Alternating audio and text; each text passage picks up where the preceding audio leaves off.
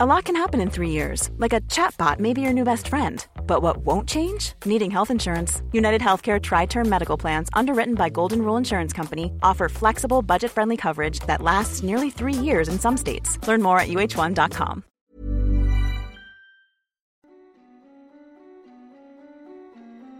Hej och välkommen till Skräckstunden.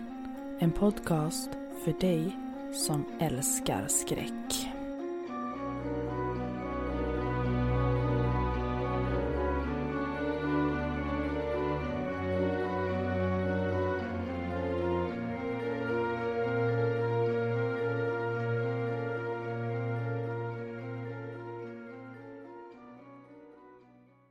Du lyssnar på Skräckstunden med mig, Veronica Hammarlund.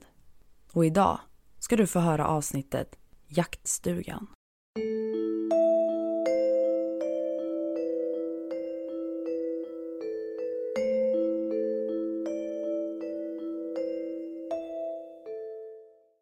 De allra flesta har säkert någon gång varit på fjällsemester, åkt skidor, skoter eller vad man nu väljer att göra. Faktum är att statistik visar att de flesta svenskar är på fjällsemester i stort sett årligen, oftast på vinterlov, sportlov eller påsklovet. Tittar man på de kända skidorternas fjäll på avstånd under dessa högsäsonger så kryllar det av människor, så det vita fjället plötsligt förvandlas till att se ut som en myrstack med svarta myror. Jag är själv varje år uppe i Idre på semester, oftast två veckor, Även om jag själv inte är en skidmänniska så gillar jag mer farten av att gasa järnet på en sjö eller ett öppet fält med en snöskoter. Adrenalin och fart är lite mer min grej. Vissa kör slalom i skidbackarna, vissa är galna och kör offpist och vissa även störtlopp. Men icke att förglömma så är det många som också är ute i skogarna i mindre spår och åker längdskidor. Vi ska börja dagens isande kalla fjällavsnitt med en egenskriven historia, skriven utav mig som handlar om Lars som åkte sin jaktstuga i norra Dalarna för att njuta av tystnaden, fjällluften, den bitande kylan och naturen. I detta fallet i sin ensamhet.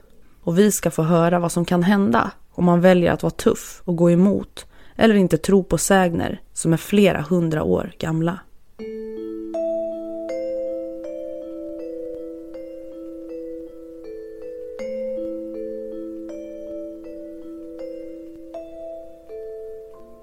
Jag hade precis anlänt till min lilla jaktstuga i norra Dalarna för att få njuta av lugnet, jaga och bara ha ett par lugna och tysta dagar för mig själv. Många skulle nog säga att det låter egoistiskt, men är man småbarnsfar till fyra små huliganer så är en långhelg från torsdag till söndag i jaktstugan, mitt ute i skogen, ett paradis. Att få komma iväg och jaga, som inte bara är mitt största intresse, men även just att få ensamtid, att få rå om sig själv och dessutom bara få sitta i tystnaden och slippa höra skrik, gnäll och tjat. Ja, jag ska inte bara skylla allting på ungarna. Frun där hemma är ganska bra på att tjata hon också. Jag som normalt bor i en lite större stad uppskattar dessutom lugnet och naturen. Att få slippa gapande fyllon på helgerna, tutande bilar, sirener och stadsbruset i allmänhet. När jag väl kommer upp hit så brukar jag börja med att elda i kaminen för att få upp värmen så att det blir någorlunda behagligt åtminstone. Den här vintern var det så kallt så när jag kom fram omkring 19 på torsdagskvällen så var det 8 minusgrader inne i stugan. Det är som sagt en enkel jaktstuga uppbyggd av timmerstockar så den är inte direkt välisolerad men väldigt robust och ingenting som skulle blåsa omkull. Men nackdelen med det här är att man får elda i stort sett konstant om man vill uppnå eller ens komma i närheten av en normal rumstemperatur när det är riktigt kallt ute. Jag började med att elda och när jag hade kommit upp i omkring 10 grader, hade bäddat, plockat upp det mesta jag hade med mig, så var det dags att gå och lägga sig för att sen komma upp tidigt på fredagsmorgonen. Omkring 23 gick jag och la mig. Som tur var hade jag med mig min sons sovsäck som jag fridfullt kröp ner i. Och eftersom jag var så frusen så kröp jag så långt ner jag bara kunde och drog igen sovsäcken i stort sett hela vägen så att det till slut bara var nästippen och ögonen som var utanför. Skönt. Jag klagar inte för det. Jag gjorde lumpen när jag var ung, så lite dålig komfort och kyla, det var någonting jag var van vid. Lite ska man tåla. Jag gick och la mig och när jag var precis i gränslandet mellan vaken och sovande så hörde jag ett knarrande ljud. Jag tänkte inte så mycket mer på det. Jag är van vid att det knastrar, sprakar och knäpper både ifrån väggarna, taket och brasan i takt med att värmen stiger. Efter en stund hörde jag ett uppenbart knarrande igen. Och det var nog det som fick mig att reagera. Det var mer som en dörr som knarrade. Jag kröp motvilligt upp ur sovsäcken och jag trevade mig fram i bara understället som jag hade på mig mot dörren. Jag tänkte att det kanske var dörren som inte stängts ordentligt och att vinden fått den att åka upp. Det sista jag ville, det var att ytterdörren skulle öppnas och att 15 minusgrader och nysnö skulle yra rakt in i stugan. Jag kollade dörren, men den var stängd och låst. Jag hade inte en ytterdörr som på ett vanligt hus, utan mer likt en förrådsdörr med en hasp på insidan som jag låste med. Och på utsidan låste jag med ett stort hänglås. Inte för att det egentligen fanns någonting av värde, men kanske minimerar jag risken för vandaler om nu någon ens skulle hitta den här stugan. Mest troligt inte. Det skulle på sin höjd vara någon svamp eller bärplockare på sommaren som kanske gått vilse. Jag tänkte att knarrandet eller knäppandet måste varit något annat, men jag bestämde mig istället för att gå och lägga mig igen. För att beskriva stugan lite mer så att du kanske förstår, så är det som två rum. Det är fyra timrade väggar och ett fönster. Direkt när man kommer in genom dörren kommer man in i det som är ett mindre kök med en liten diskho, ett mindre gasolkök, en liten bänk och ett bord för två personer med två stolar. Till vänster om det var mitt sovrum, till lika vardagsrum. Där fanns kaminen, en enklare säng och en tvåsitssoffa med ett mindre soffbord. Som du förstår, väldigt enkelt. I köket fanns fönstret som vette emot förrådet. Så om inte snön hade letat sig hela vägen upp så att det täckte fönstret, vilket inte var så ovanligt vintertid, så kunde jag se rakt emot skjulet. Skjulet var av en enklare konstruktion, där den ena delen bestod av ett mindre vedförråd och den andra delen förvarade min snöskoter, en liten verktygsbänk och lite bensindunkar. Jag gick i alla fall och la mig igen. Men valde innan det att titta ut mot förrådet för att kunna utesluta att det inte var förrådsdörren som hade öppnats och därmed gett ifrån sig ett knarrande. Men det fanns inga tecken på att dörren var öppen. Ute hade det nu börjat tillta med snö ordentligt så jag visste att jag mest troligt skulle börja morgondagen med att behöva skotta mig ut ur stugan och fram till förrådet. Dags att sova tänkte jag, så jag kröp lugnt ner och försökte bygga upp värmen igen i sovsäcken. Efter en kort stund somnade jag och det knarrande ljudet var ett minne blott. Tills jag dagen efter upptäckte en hel del saker som jag anmärkte på som mycket märkliga. Klockan 06 på fredagsmorgonen valde jag att stiga upp. Med endast 7 plusgrader inomhus var det inte längre lockande att krypa ur den uppvärmda sovsäcken. Så jag valde att hoppa ur sovsäcken och direkt vidare in i skoteroverallen. Jag hoppade i overallen. Jag slängde i mig en torr fralla som frun så omsorgsfullt hade gjort i ordning redan hemma åt mig. Sen klunkade jag i mig en drickyoghurt och tog mig ut. När jag öppnade dörren insåg jag att jag fick skotta mig fram. Det var närmare en halv meter snö framför stugan och hela vägen fram till skjulet. Efter dryga 40 minuter hade jag tagit mig fram till skjulet och nu skulle jag påbörja projektet att få ut skoten ur den smala dörren i skjulet och ut i den tjocka snön. Jag slet i närmare en timme innan jag väl fått ut skoten och kunde påbörja mitt arbete med att köra upp ett spår. Klockan hade hunnit bli omkring åtta och jag var väldigt tacksam för att jag hade gått upp i tid. Jag körde upp spåret och omkring klockan tio hade jag kommit ut till den befintliga skoterleden så att jag kunde dra på och njuta av den kalla fartvinden och adrenalinen som pumpade i hela kroppen. Jag har alltid gillat att leva lite farligt och gillar att leva lite på den där kittlande gränsen. Efter en tur på omkring två timmar så var jag nöjd och valde att åka tillbaka till stugan för att försöka börja elda igen i hopp om att kanske bygga upp lite mer värme inför kvällen. Jag kom tillbaka till stugan och klockan var omkring ett. Och samtidigt som jag eldade för fulla muggar så slängde jag i mig en burk köttsoppa som jag hade värmt på kaminen. Inte det godaste jag vet, men när jag är här uppe så lever man som en ungkar och jag är inte direkt känslig eller kräsen. Jag är nöjd, bara det går smidigt. Och jag vill inte heller slösa bort min dyrbara tid på att laga en gourmetmiddag på ett stormkök. Jag eldade och valde att ge mig ut och rensa upp lite i skjulet. Jag hade tänkt på det de senaste gångerna jag varit här, men nu skulle det verkligen bli av. Jag drog på mig alla kläder och gick ut i skjulet när jag såg någonting märkligt. Utanför skjulet var det spår Alltså inte djurspår, utan mer människoliknande. Fast det är som att någon har gått barfota och med väldigt onormalt långa tår. Man såg konturerna av en stor fot med långa tår. Men inte fem tår, utan bara fyra. Det märkligaste var inte bara de där konstiga spåren. Utan de dök verkligen upp ifrån ingenstans. Mitt framför skjulet. För att sen bara sluta efter tre avtryck. Som att någonting skulle ha landat från himlen och sen bara försvunnit igen. Jag gick en rejäl runda, både runt stugan men även runt skjulet och kunde inte se några tecken på fler spår liknande det här. Jag blev fundersam, men jag skulle nog inte säga att jag direkt blev rädd. Men lite obehag kan jag nog ändå erkänna att jag kände. Jag valde att ringa en kvinna som bor här i närheten som jag känner genom jakten. Vi är nämligen med i samma jaktlag. Jag ringde henne och bad henne komma upp. Jag vet att hon dessutom är grym på spår. Jag förklarade kort att jag hade sett spår jag aldrig någonsin tidigare sett och jag bad henne att komma. Hon blev nyfiken och skulle komma direkt.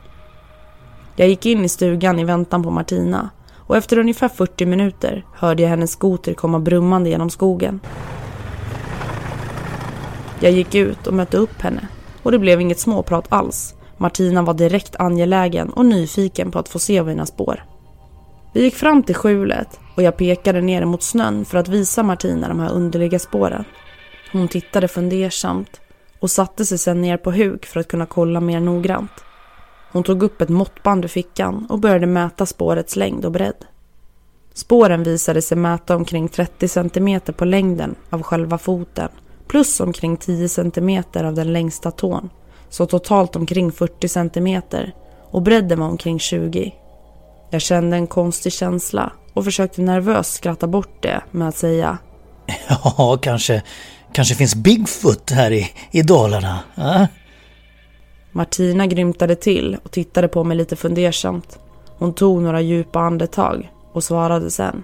Nej, jag tror inte på någon Bigfoot, men jag kan ju inte svara på vad det här är.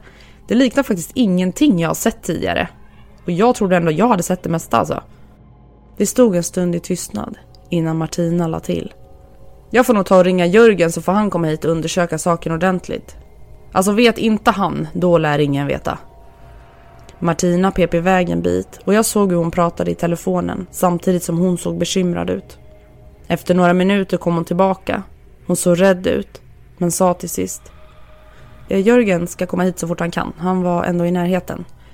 Jag försökte förklara liksom hur det såg ut sådär men det lät som att han inte riktigt trodde på mig. Jag svarade inte. Jag stod mest i min egen värld och jag försökte kunna komma med någon slags logisk förklaring på hela den här skeva uppenbarelsen vi precis har haft. Martina måste ha sett att jag stod i min egen värld. Hörru, lugn nu. Du ser ju livrädd ut. Det är väl klart att det här är någonting som vi kan hitta en lösning på. Alltså jag måste ju bara medge att det ser konstigt ut, men... Och det är just det här att de dessutom bara dyker upp från ingenstans för att bara försvinna igen. Ja, ja men Jörgen är ju här i alla fall om några minuter. Vi får, vi får höra vad han har att säga om det här. Jörgen, han var en äldre man som är född och uppvuxen i trakten. Han har varit i armén i större delen av sitt liv och där arbetat som befäl. Men har även varit jaktledare och byns huvudman som alla vänt sig till när det varit problem. Det var en man som alla kände att de kunde förlita sig på. Det han inte visste om allt djur och naturliv i de här trakterna, det var inte värt att veta. Nu var det bara att vänta och se vad hans utlåtande blir helt enkelt. Vi stod bara där i tystnad tills vi hörde Jörgens dundrande entré. En gubbe på dryga 80 år kommer på en monsterskoter dundrande genom snödrivor och nysnö så att det yrde. Pigg var han, det vill jag lova. Han klev av skoten och hejade glatt. Hallå! Här var det tydligen märkligheter har jag hört. Vad är det vi ska undersöka? Martina tog direkt till orda. Jo men alltså jag har ju erfarenhet av spår. Och, men Lars här, han ringde ju hit mig. Jag, jag har inga svar, jag kan inte hjälpa honom i frågan. Men eh, han har ju hittat knepiga spår som vi inte alls kan förklara så du får komma och kika. Martina tog täten och visade Jörgen fram till spåren. Jörgen ställde sig in till de underliga spåren och tittade ner i snön. Utan ett ord backade han undan och gick tillbaka till sin skoter. Och innan vi hann säga någonting startade han sitt vrålåk och gjorde en rivstart iväg.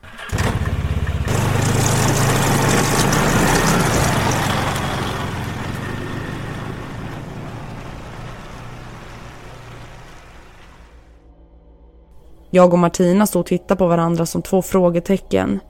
Martina utbrast oroligt. Men vad fan hände? Va, varför åkte han? Han sa inget, eller hörde du något?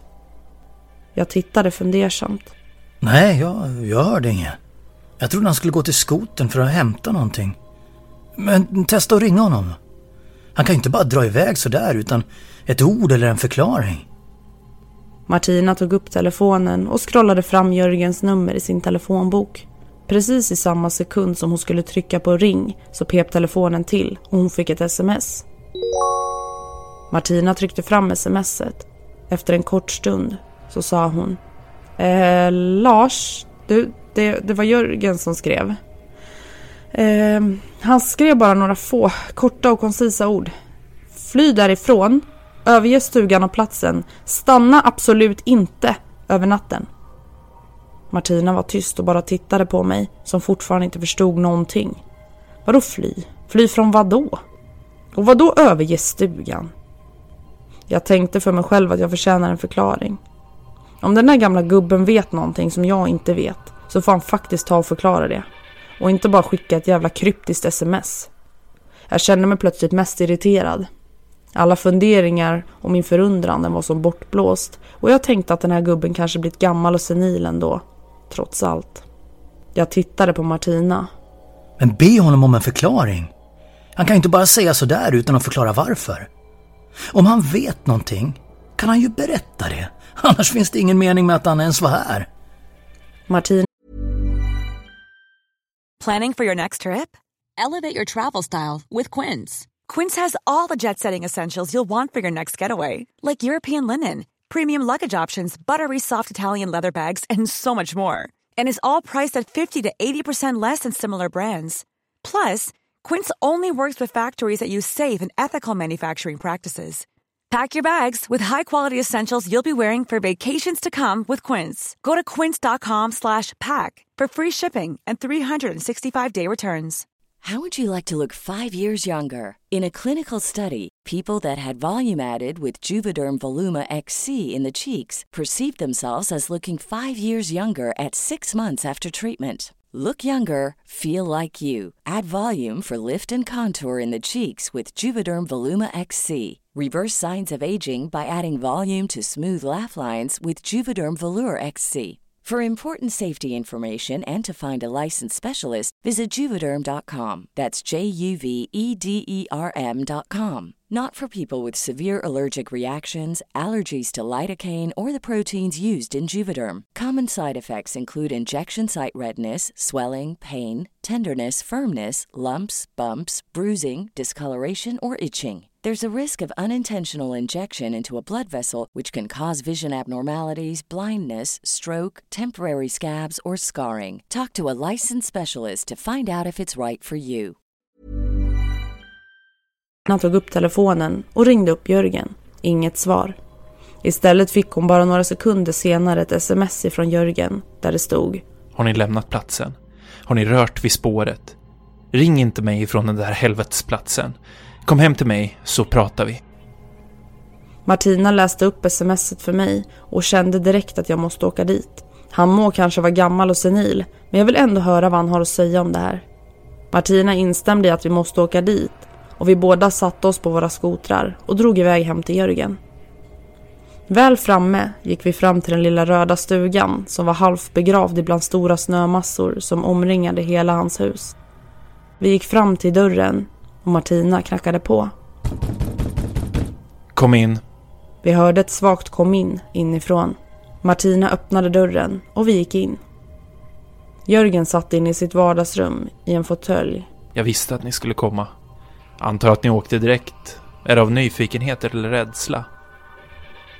Jag tog direkt till orda och svarade. Jag åkte inte hit av rädsla. Jag vet ju inte ens vad det är jag ska vara rädd för. Jag har inte fått en förklaring och nu skulle jag gärna vilja ha det.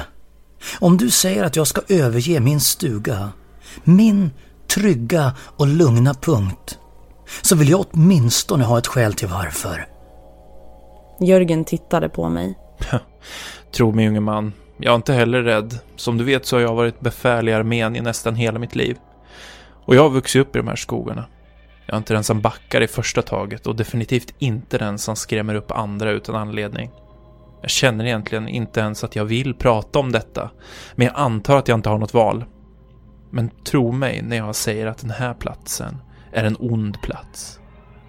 De spår är ett ont anande tecken på att någonting hemskt är på gång. Jag har sett dessa en gång tidigare i mitt liv och att få se dem igen gjorde att jag drabbades av panik. Har ni tid så kan jag berätta för er. Jag och Martina nickade samtidigt. Sätt er ner där, ta en pilsner, så ska jag berätta. Vi slog oss ner i en soffa som stod snett framför en härligt sprakande öppen spis. På något sätt kändes det som att vi satt hos en gammal morfar framför en öppen eld som nu skulle berätta gamla sagor och sägner. Jag sa ivrigt. Men berätta nu. Jag, jag vill veta allt. Jörgen satte sig till rätta och riktigt borrade ner sig i sin fåtölj och sen började han berätta. Redan när jag var liten berättade min morfar för mig om spår som ett flertal gånger dykt upp på de mest konstiga och oförutsägbara ställen, helt utan förklaring. Han berättade hur spåren såg ut som människospår, men med onormalt långa tår och större fötter än en normal mänsklig fot. Han berättade också att för varje gång någon sett dessa spår har personen, eller personer som befunnit sig i närheten, försvunnit spårlöst. Man hade också ofta sett dessa spår intill lite mer avlägsna och undangömda stugor, en bit längre ifrån civilisationen. Det visade sig dessutom att den som försvann enbart var medelålders män. När flertalet män hade försvunnit så beslutade flertalet bybor sig för att gå till botten med alla de här försvinnanden och en större trupp män gick ut i stora skallgångskedjor och liknande för att försöka hitta dessa försvunna kroppar och på så sätt försöka få en förklaring till vad som hänt. En av de här som var med under den här tiden, det var min morfar. Han hade själv sett dessa spår efter ett försvinnande och han deltog också i flera sökinsatser för att försöka hitta de försvunna personerna. Min morfar lärde mig allt när jag var liten. Det mesta jag kan om skogen och allt liv i skogen har jag fått lära av honom. Och jag har varit med honom sedan jag kunde gå. Jag vet att morfar inte var en direkt skrockfull person, utan han trodde på det logiska och att det gick att förklara. Men jag minns så tydligt hur han inte alls hade någon vettig förklaring till de här mystiska spåren. Vad jag vet så har ingen sett dessa spår nu på flera årtionden så när jag kom och såg de här spåren så drabbades jag av panik. Jörgen harklade sig och Martina avbröt snabbt. Vadå, så att du menar att det finns något slags jävla monster i skogen som rövar bort medelålders män eller vadå? Kom till saken nu! Jörgen fortsatte lugnt. Lugn nu, jag kommer dit. Ska försöka göra en lång historia kort. Som sagt, så var min morfar inte en skrockfull person och han var noga med att påpeka detta. Men han berättade att redan hans morfar hade pratat med honom om detta. Det sägs att allt detta ska ha börjat omkring 1700-talet och att det är då spåren ska ha synts till de första gångerna. Det ska då ha varit några här i området som verkligen ville gå till botten med dessa märkliga händelser och spåren ska ha lett dem till en kvinna som bodde en bra bit upp i skogen. Faktiskt inte så långt ifrån din stuga. Denna kvinna ska ha varit en riktig ensamvarg och på den tiden ska alla föräldrar alltid ha varnat sina barn att aldrig gå nära kvinnans hus. Både under min uppväxt, men även under generationerna innan, har vi fått höra att vi inte ska gå nära häxan, som hon kallades, stuga. Visste man inte vart stugan låg hade man aldrig heller kunnat hitta den. Man blev rent ut sagt uppskrämd och lärd sedan man hade blöja att aldrig gå nära hennes gamla marker. Det finns även uppmärkt idag som en gärdsgård där hennes gamla tomtgränser går och ingen bör passera eller beträda den marken. Det sägs att det vilar en förbannelse över hela den platsen. Jag spärrade upp ögonen och Jörgen som nog såg att mitt minspel hastigt ändrades sa Du, Lars, är allt okej? Okay? Jag tog en kort paus, andades och sen fortsatte jag. Ja, eller, eller ja, jo, jag, jag tror det. Jag är som sagt inte så rädd eller skrockfull av mig, men nu när du sa det här så kom jag att tänka på en sak som hände sist jag var här uppe i stugan. I höstas, under älgjakten.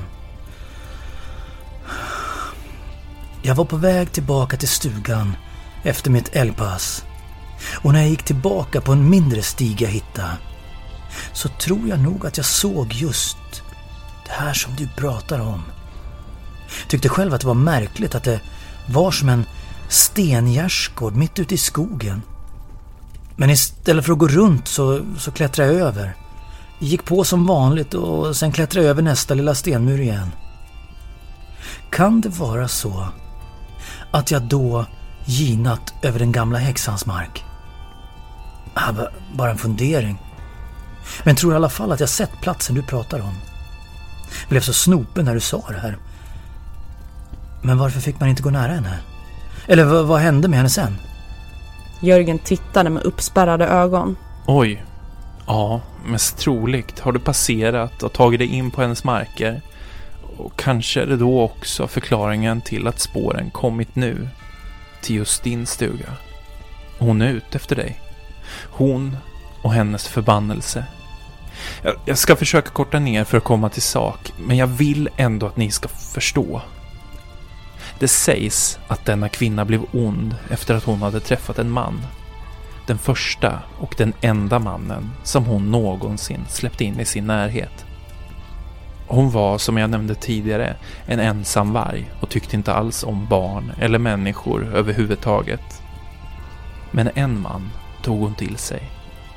En man som sedan skulle visa sig förråda henne, vilket stärkte hennes människohat och förakt ännu mer. Hon fick bevisat för sig att ingen människa går att lita på och att ensam är stark. Men trots detta drabbades hon, som man brukar säga, av ett krossat hjärta.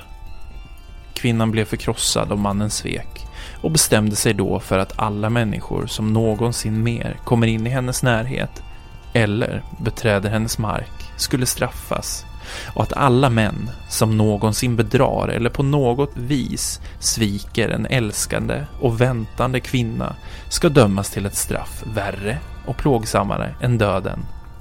Alternativt en plågsam död. Allt eftersom, i takt med att människorna försvann och alla dessa spår ledde till kvinnan, så blev hon ställd till svars och blev dömd som häxa att brännas på bål Dagen då domen skulle verkställas kom i stort sett alla invånare i trakten och inifrån byn för att se på när kvinnan skulle brännas. Hennes sista ord innan hon brändes var Jag fördömer er alla män som någonsin bedrar eller sviker en älskande kvinna och alla människor som någonsin beträder mina marker till en plågsam och säker död. Era nära ska inte ens ha en kropp att begrava. Ni kommer att upphöra från jordens yta. Må ni alla brinna i helvetets eldar. Med tanke på dessa slutord ifrån kvinnan och ifrån anteckningar som hittades ifrån kvinnan så säger Sägner att dessa spår har en koppling till henne och att dessa spår är ett första tecken på att någon är utvald att straffas av häxans uttalade förbannelse. Att människor sedan då mystiskt försvunnit tyder ju på, skrockfullt eller inte, att människor faktiskt har lyckats att upphöra ifrån jordens yta på ett eller annat sätt. Ingen vet än idag vad eller hur dessa spår uppkommer. Det enda man vet är att i samband med dessa spår så har människor försvunnit spårlöst. Därför varnar jag dig jag förstår att du är nästa mål. Håll dig borta. Åk inte tillbaka till stugan. Och du nämnde något tidigare om att du hade hört ljud i natt. Troligtvis så har det en koppling. Du är en fri och vuxen man att bestämma själv hur du ska göra. Men hade jag varit du så hade jag inte chansat. Jörgen reste på sig, gick fram till den öppna spisen och la in tre stora vedträn. Han sa sen kort. Nu har jag ärenden att göra. Det var trevligt att träffas. Överväg noggrant det jag sagt. Vi tackade för ölen och gick. Martina och jag gick ut, utan ett ord, och jag körde upp till stugan och Martina körde tillbaka hem till sig. Väl på skoten på väg tillbaka hem till stugan funderade jag fram och tillbaka på allt som den gamla mannen berättat om jag skulle åka hem eller inte och jag kände mig faktiskt aningens förvirrad. Jag bestämde mig i alla fall för att ignorera gamla myter och spökhistorier från förr. Jag är en man som tror på vetenskapen och inte några uttalade förbannelser. Även om jag såklart inte hade några direkta svar på allt han hade berättat. Och jag hade inte heller något facit över spåren som vi hittat. Men någon förbannelser, det var det då i alla fall inte. Ett par dagar senare. Dagarna gick och Lars kom aldrig hem till sin fru. Hon ringde runt och till slut kom beskedet fram till Martina att Lars inte kommit hem. Hon valde då att bege sig upp till Lars stuga för att undersöka saken och undra vad han pysslade med. Det kan ju faktiskt ha hänt någonting. Väl på plats inser Martina att skoten är borta. Bilen står kvar och stugan var tom. Hon valde då att ringa till Jörgen och berätta eller fråga om han möjligen visste någonting om det här eller vart Lars kunde befinna sig. Martina och Jörgen möttes upp på sina skotrar och Jörgen tog täten och Martina körde strax bakom. Jörgen ledde dem till häxans gamla marker och mycket riktigt. Innanför stengärdsgården står Lars skoter men ingen Lars syntes till. Men det konstigaste var, det fanns ingen väg in utan muren är sluten. Så någon måste alltså ha lyft över den flera hundra kilo tunga skoten över stenmuren. Det fanns inga fotspår och inga andra spår heller, förutom tre spår utav en onaturligt lång fot med onaturligt långa tår. Och Lars har hittills än idag inte återfunnits. Vad som hänt finns det inget svar på. Om det är ett väsen eller en förbannelse, ingen vet. Men det vi vet, det är att folk försvinner för alltid.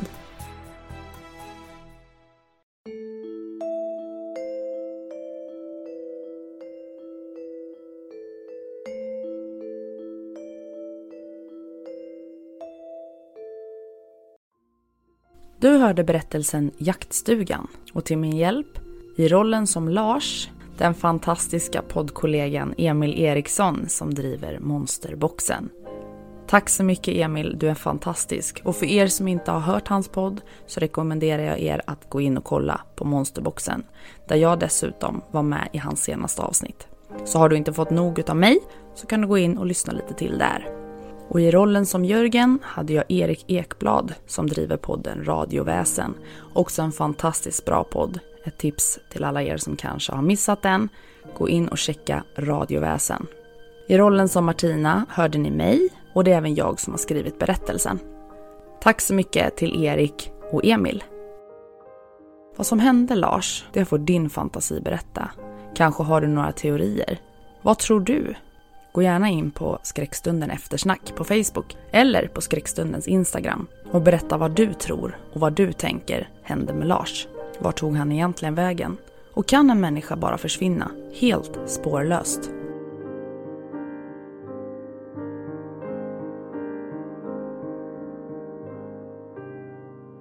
Vill du bli en del av Skräckstundens familj? Glöm inte då att gå in på Skräckstundens Instagram där jag heter Skrackstunden eller på Skräckstunden Eftersnack på Facebook. Där kan vi diskutera avsnitten och prata med varandra och ni kan även tipsa mig och berätta vad ni tycker och tänker om avsnitten. Just nu har jag även ett samarbete tillsammans med förlaget Swedish Zombie där jag har en tävling på min Instagram men även i Facebookgruppen för er som inte har Instagram. Så glöm inte att checka in den, där två personer kommer att vinna tre stycken skräckböcker. Så missa inte den tävlingen. Alla länkar till mina sociala medier hittar ni i avsnittsbeskrivningen under avsnittet. Och ännu en gång, ett stort tack till Emil ifrån podden Monsterboxen och Erik från podden Radioväsen. Tack så mycket killar! Tack för att du har lyssnat! Du har lyssnat på Skräckstunden. En podcast som får ditt blod att frysa till is. Ha en fin vecka så hörs vi snart igen.